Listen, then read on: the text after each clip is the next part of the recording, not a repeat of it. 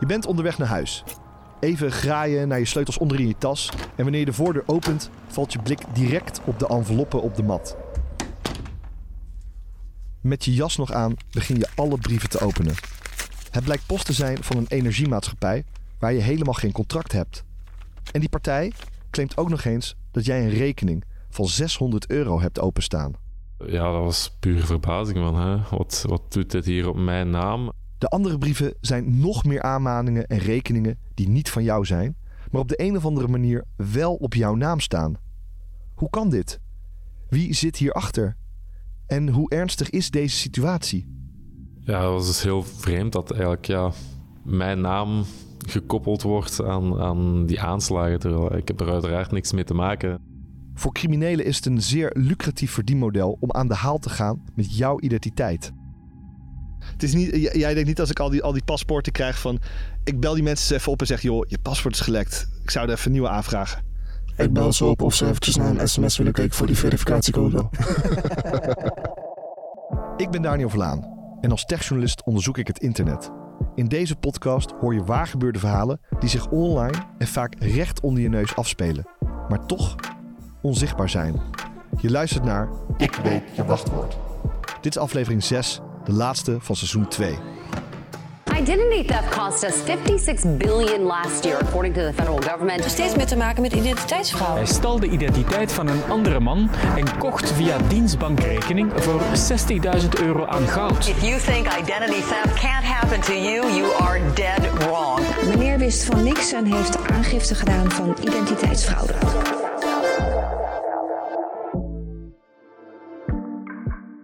Je hebt in deze podcast al vaker gehoord over ransomware aanvallen. Digitale bendes versleutelen met malware complete bedrijven en overheidsinstellingen. Identiteitsfraude kan goed beginnen bij zo'n aanval.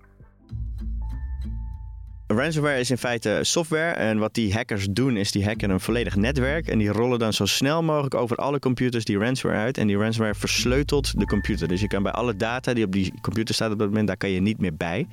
Of die is eigenlijk eh, niet toegankelijk gemaakt. En alleen als jij een bepaald eh, bedrag betaalt, geven ze jou de sleutel zodat je weer opnieuw bij je data kan. En nou denkt iedereen, wij hebben backups, dus wij zijn veilig. Maar in de praktijk blijkt dat vaak eh, vies tegen te vallen. Of in sommige gevallen worden de backups zelf versleuteld, dus dan kan je ook niet meer bij je backups. Je hoort een bekende stem uit deze serie, ethisch hacker Ricky Gevers. Een belangrijk onderdeel van zijn werk bestaat uit de onderhandelingen die hij voert met criminelen. Hij is vaak de sleutelpersoon en de eerste die gebeld wordt wanneer een bedrijf of instelling slachtoffer is geworden van een grootschalige cyberaanval. De ransomware-aanvallen zijn zo goed en de criminele organisaties zo georganiseerd dat het in de meeste gevallen wijsheid is om het losgeld gewoon maar te betalen, vindt Ricky. Uh, de voornaamste reden is gewoon dat die bedrijven echt met hun rug tegen de muur staan. En dan kan je kiezen of ik laat mijn bedrijf failliet gaan of ik betaal een x bedrag. Uh, ik moet er wel bij zeggen dat in de media hoor je vooral de miljoenen waarover gepraat wordt. Uh, in de praktijk is het soms ook 10.000 euro. Hoor. Dus de, de hoogte van de bedragen verschilt enorm. En vaak is het voor zo'n bedrijf gewoon een ja, kostenbatenafweging of ze gaan betalen of niet. Maar het zijn niet alleen bedrijven die slachtoffer zijn van dit soort aanvallen. Ook overheidsinstellingen worden gegijzeld, zoals bijvoorbeeld de gemeente van je woonplaats.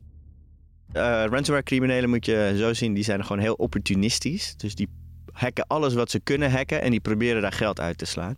En als ze er bijvoorbeeld geen geld uithalen, dan gebruiken ze die partij eigenlijk als promotie van hun eigen naam. Dus op het moment dat jij bijvoorbeeld de gemeente Antwerpen hackt en uh, nou, die gaan niet betalen, dan mag je dat op je website zetten. Dat noemen ze ook een PR-portal, Public Relations Portal. En uh, nou, daar staat dan dat ze de gemeente Antwerpen hebben gehackt. En alle journalisten die smullen daarvan, dus die schrijven daar uh, 10.000 stukjes ongeveer over. Vervolgens wordt de gemeente geïnterviewd om te vertellen hoeveel schade ze wel niet geleden hebben. Nou, dat loopt altijd in de miljoenen. En het resultaat is eigenlijk, als jij dan als bedrijf vervolgens door diezelfde ransomware groep wordt aangevallen, dan ga je googlen, dat is namelijk het eerste wat je doet.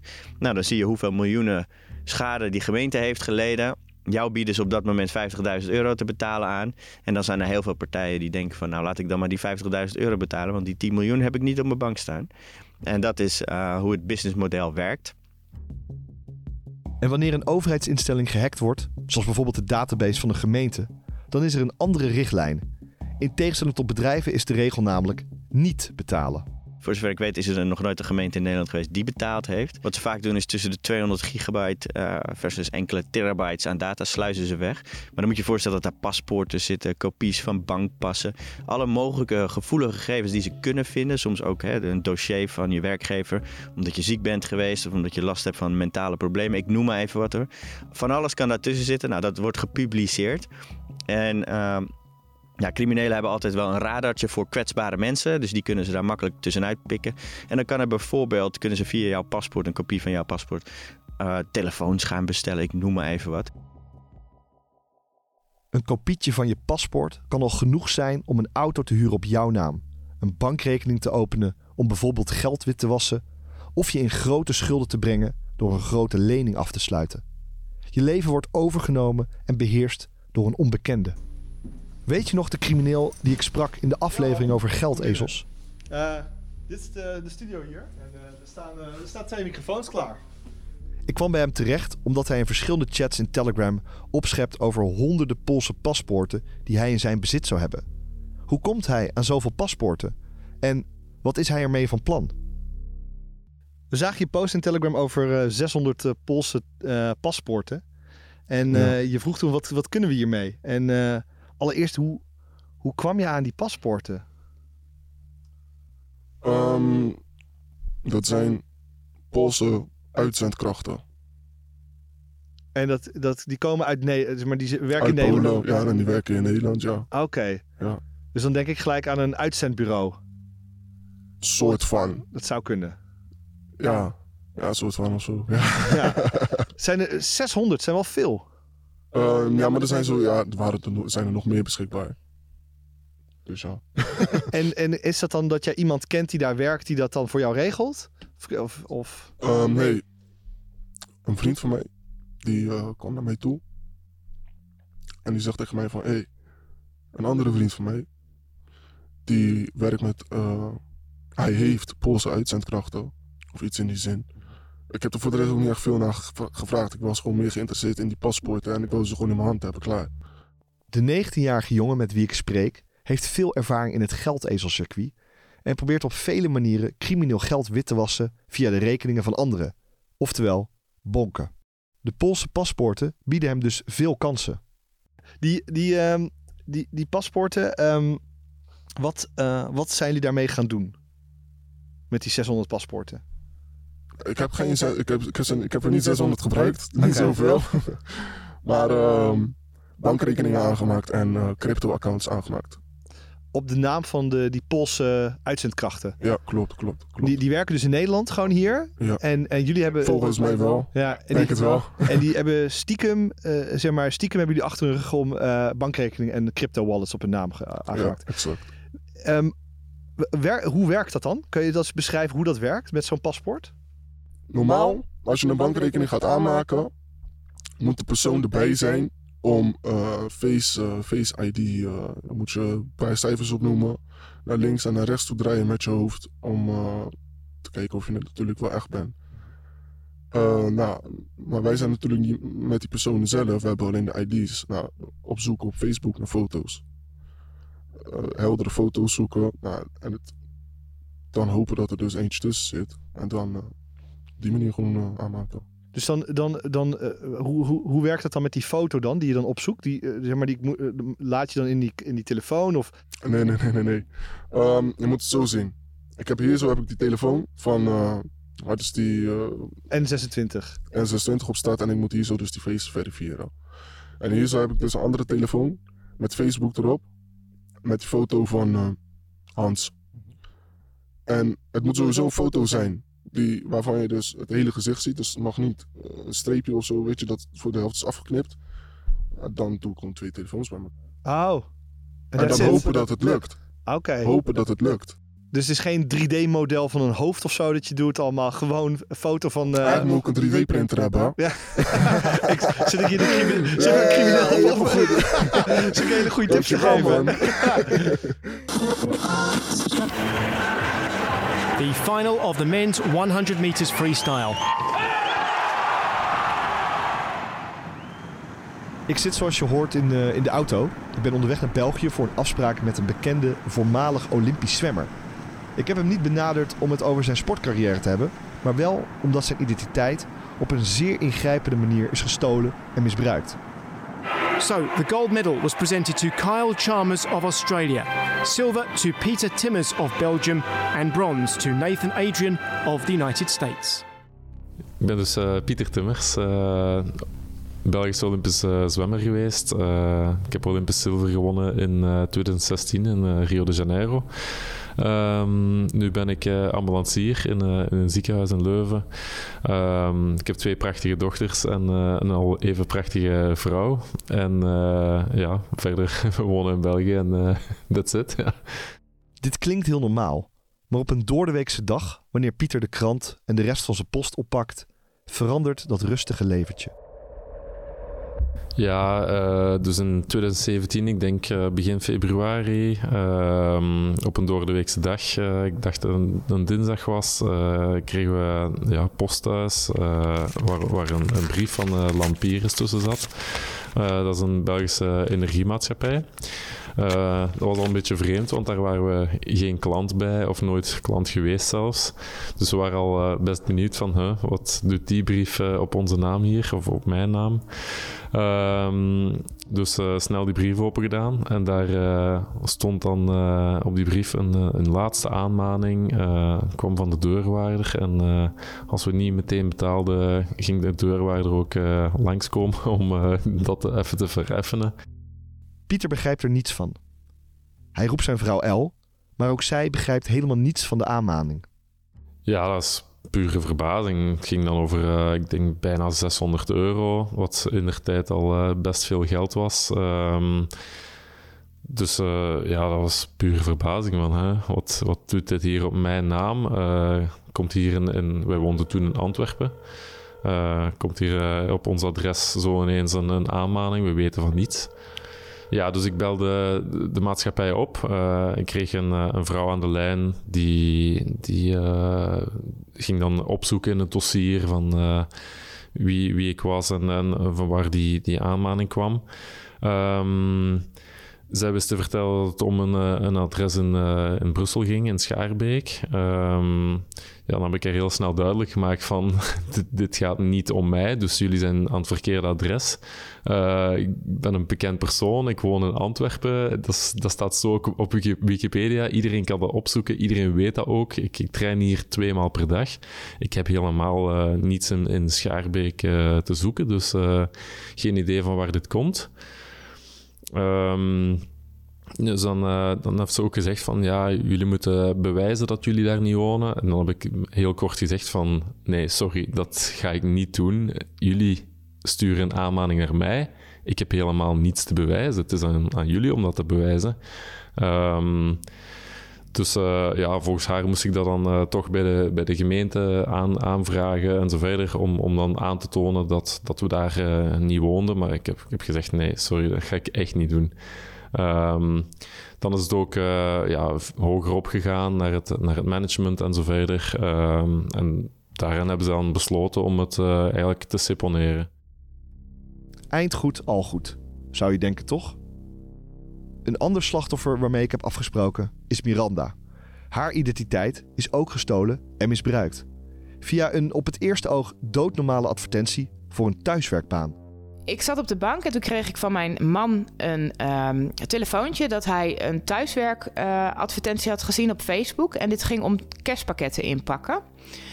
En dit was in november, dus ik had zoiets van ja, dit is leuk om te doen. Kerstpakketten voor de mensen die in december een kerstpakket krijgen. Dus ik dacht, hier ga ik op reageren. Toen ik de vacature doorgestuurd kreeg van mijn man, heb ik um, contact gelegd met degene die de advertentie had geplaatst. Het, uh, het was een soort sollicitatiegesprek en uh, met de vragen die zij stelde over hoeveel uur ik wou werken, of ik dit wou combineren met een andere baan, uh, wanneer de eerste levering kon zijn. En vervolgens vroeg ze mij een foto te maken van mijn identiteitskaart en van mijn bankpas. Vervolgens uh, appte ze mij dat uh, in verband met dat mensen soms uh, zich aanmelden voor thuiswerk en daarna niks meer van zich laten horen en wel de dingen die ze in huis gekregen hebben houden, dat zij een afspraak hebben om iedereen 4,50 euro te laten betalen in een linkje. En dit linkje heb ik dus geopend en ik heb 4,50 euro overgemaakt. Miranda is blij met haar nieuwe baan en vooral ook hoe makkelijk het is gegaan. Met een tevreden gevoel gaat ze die avond naar bed. Maar dan begint ze toch te twijfelen. Toen ik op een gegeven moment ehm, in bed lag, toen dacht ik in één keer: ik ga toch eens kijken. Ik kreeg een heel raar gevoel en ik had zoiets van: ik ga toch eens kijken op mijn ING-app. En ik kreeg het gevoel van: het is eigenlijk misschien wel te mooi om waar te zijn. Ik opende mijn ING-app en toen zag ik dat ehm, het, 4 euro, bedrag van 4,50 euro wat zij uh, als linkje hadden naar mij toegestuurd, dat dat werd betaald aan Bel Simpel. Dus ik zag staan 4,50 euro Bel Simpel. En toen had ik het gevoel, ik ben genaaid. Toen ik erachter kwam van Bel Simpel dat er iets op mijn naam besteld was, heb ik gelijk de politie gebeld. Uh, zij vertelde mij ook dat ik er uh, goed ben afgekomen, omdat uh, ze kunnen van alles met je ID-kaart. Ze hadden een auto kunnen kopen op mijn naam. Ze hadden diverse andere apparatuur of wat dan ook met mijn naam kunnen bestellen met mijn identiteitskaart. En um, ja, het had veel erger af kunnen lopen dan dat het nu is afgelopen. Dit is een goed voorbeeld van de simpele en slimme methodes die criminelen inzetten om aan je paspoortgegevens te komen en zich als jou te kunnen voordoen. Hoe voorkom je dat je in trucs van criminelen trapt? Roxy Spaargaren van onze partner KPN heeft een aantal tips voor je. Wees altijd voorzichtig met het delen van je persoonsgegevens. En als een instantie of bedrijf vraagt naar je paspoort, kan je altijd even bij de autoriteitspersoonsgegevens checken of ze überhaupt wel een kopie van je paspoort mogen vragen. Nou, als dat het geval is, kan je een handige app downloaden. Dus kopie ID Rijksoverheid. En daarin kan je je foto afschermen en je BSN. En op die manier kan je veilig je paspoort versturen naar dat bedrijf of instantie. En jij? Ben jij wel eens bang dat je identiteit wordt gestolen? Nee, ik ben als de dood voor uh, identiteitsfraude. Ik weet in ieder geval wat de gevolgen zijn als, als je gehackt wordt, dan, uh, dan ben je nog niet, uh, niet gaar. Dus daarom ben ik absoluut heel erg voorzichtig met mijn paspoort. Technisch gezien niet helemaal legaal, maar toch gebeurt dit als je bij een hotel komt. Ik ben bijvoorbeeld afgelopen december ben ik in Rome geweest. Maak het gewoon een paspoort of een kopietje van je paspoort of je ID zonder dat daar überhaupt naar gevraagd wordt. Uh, en dat, dat, bewaren ze dan. Ik weet niet precies wat ze ermee doen, maar het is toch een, niet zo'n fijn gevoel. Voor mij is het vooral gewoon een kopietje opsturen van de voorkant en de achterkant. Dat gebeurt al vrij snel.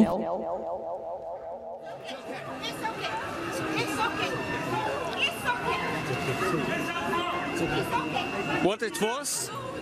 A job or was it a terrorist? België wordt op 22 maart 2016 opgeschrikt door terroristische aanslagen in en rondom Brussel.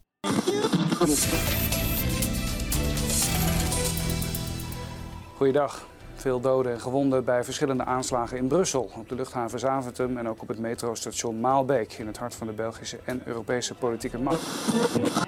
Er overlijden uiteindelijk 35 mensen en er zijn honderden slachtoffers. De aanslag wordt diezelfde dag nog opgeëist door IS.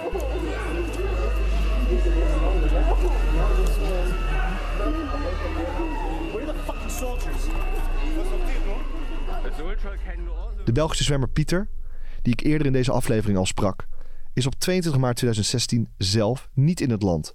En dat is belangrijk om te onthouden.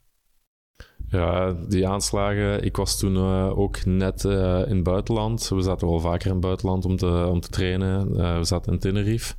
Um, dus ja, daar kregen we ineens nieuws te horen dat er aanslagen gebeurd waren op de luchthaven en in de metro in, in Maalbeek. Um, ja, dat was toch wel een, een schok voor iedereen, sowieso. Um, ja, door heel België was dat echt wel een hele schok. Dagenlang, wekenlang het hoofdnieuws geweest hier. Een jaar na de aanslagen zit El, de vrouw van Pieter, rustig bij de kapper voor een knipbeurt. Ik was aan het trainen. Ik denk uh, dat het een zaterdagochtend was. mijn vrouw zat bij de kapper. Uh, en ze was al het nieuws aan het lezen op haar telefoon. En ze kreeg ineens een telefoontje van, van de, de vrouw van mijn coach, Toekoer. met, met het nieuws van: Heb je, heb je het nieuws gezien? Pieter wordt, zijn naam is gebruikt door de terroristen van, van Zaventem en Maalbeek. Um, dus toen is ze snel het artikel gaan, gaan bekijken en, en lezen. En uh, ja, daarin stond uh, dat de terroristen dus mijn naam hadden gebruikt om een energiecontract af te sluiten voor een, een schuilplaats, een schuilhuis. Ja. Pieters naam is niet zomaar misbruikt, maar door terroristen die een verschrikkelijke aanslag gepleegd hebben en waar nu zijn naam aan gelinkt wordt. Dat ontdekten Vlaamse journalisten. Dus de Vlaamse krant De Standaard had de politiedossiers kunnen inkijken over de aanslagen. En daarin stond uh, doodleuk dat ze mijn naam gebruikt hadden om, om dat energiecontract af te sluiten. Terwijl wij helemaal van niets wisten. Niet ingelicht door de politie of wat dan ook. Sterker nog, Lampiris zelf wist ook van niets. ook niet ingelicht door de politie. Ja, dus volgens mij hebben ze daar drie maanden in, dat schuilhuis gezeten om, om die aanslagen voor te bereiden en, en zo verder. Ook, ook de bommen te maken.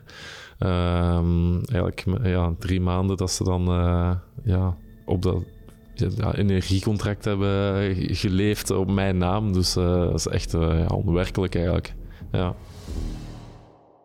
Deze vorm van identiteitsfraude had als belangrijkste doel voor de terroristen om niet opgemerkt te worden door de geheime diensten.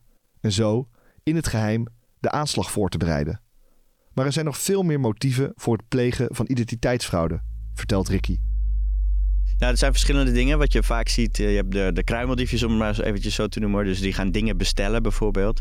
Uh, en dan moet je echt denken aan bijvoorbeeld bij bol.com dat ze dingen gaan bestellen. bestellen. Anderen gaan bankrekeningnummers openen. En die zorgen daarvoor dat uh, als een soort van katvangersysteem worden die bankrekeningnummers dan gebruikt. Dat is precies wat de criminele tiener, die bij mij in de podcaststudio te gast is, dus doet. Zijn slachtoffers worden spitta's of katvangers. Dat zijn witwassers van crimineel geld. En dat kan hele grote gevolgen hebben. Kun je wat vertellen over die, die mensen die op die Poolse paspoort staan? Je hebt, ze, je hebt ze allemaal lopen googlen en zo. Wat zijn dat dan voor mensen? Opa's, vaders, mannen, vrouwen, moeders, oma's. Dus dat, niet echt oma's, maar uh, max 60 jaar of zo, weet je wel. Ouder? Ja, 50 jaar. Alleen ik weet niet, de Poolse mensen zien er zo snel oud uit of zo dan. Misschien is dat het. en, en zeg maar, heb, heb je, kijk je dan niet naar iemand en denk je van, ah, die, dat is wel zielig? Uh, ja, ik heb het wel volgens mij wel een keertje gehad, man. Maar, maar ga ik er alsnog voor. Ja, maar niet, niet van, ah, dan doe ik deze niet. Nee man, want stel voor, al die anderen die lukken niet. En dan zou dat net die ene zijn die wel zo lukken. Hm. Dan loop ik geld mis, dat ga ik niet doen. Je zegt van, ja, anders kan ik niet eten. Maar misschien kunnen zij ook niet eten door die problemen op een gegeven moment. je, ja, Weet je wat het is?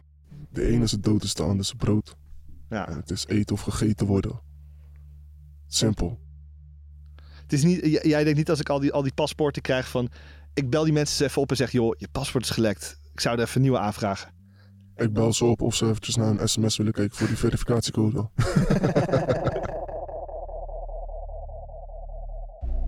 Als ik zou willen, zou ik de identiteit van duizenden Nederlanders kunnen stelen. Tijdens mijn onderzoek naar ransomware-aanvallen bij bijvoorbeeld overheidsorganisaties lekken criminelen als dreigement databases vol paspoorten. Een lui lekker land voor kleinere criminelen die er weer mee aan de haal gaan. Soms denk ik dat er iets te makkelijk wordt gezegd, nou gooi die data maar online. Uh, want het zijn maar mijn klanten en dan hebben die, mijn klanten maar een probleem, want ik heb geen probleem verder.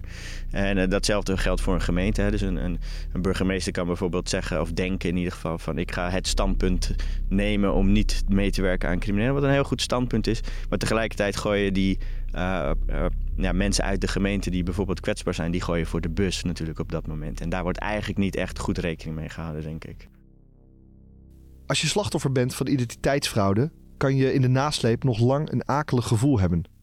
Ja, dat was dus heel vreemd dat eigenlijk ja, mijn naam gekoppeld wordt aan, aan die aanslagen. Terwijl ik heb er uiteraard niks mee te maken en ik heb er niks mee, mee gedaan of zo. Maar dat mijn naam gebruikt is uh, in, in functie van, uh, van die aanslagen in feite, dat is uh, ja, bizar gewoon. Ja. Ik dacht altijd, ik trap hier niet in. Ik kijk zelf ook altijd naar oplichtingsprogramma's. Ik weet hoe sluw ze zijn. Maar toch, voor degene die dit luistert, wil ik zeggen: kijk uit, trap er niet in, want voor je het weet, ben je zelf de lul. Dit was seizoen 2 van Ik Weet Je Wachtwoord. Klik op volg, dan krijg je vanzelf een seintje wanneer seizoen 3 eraan komt. Check ook het gelijknamige boek, de documentaire op Videoland en volg me op Daniel Vlaan. Dank voor het luisteren.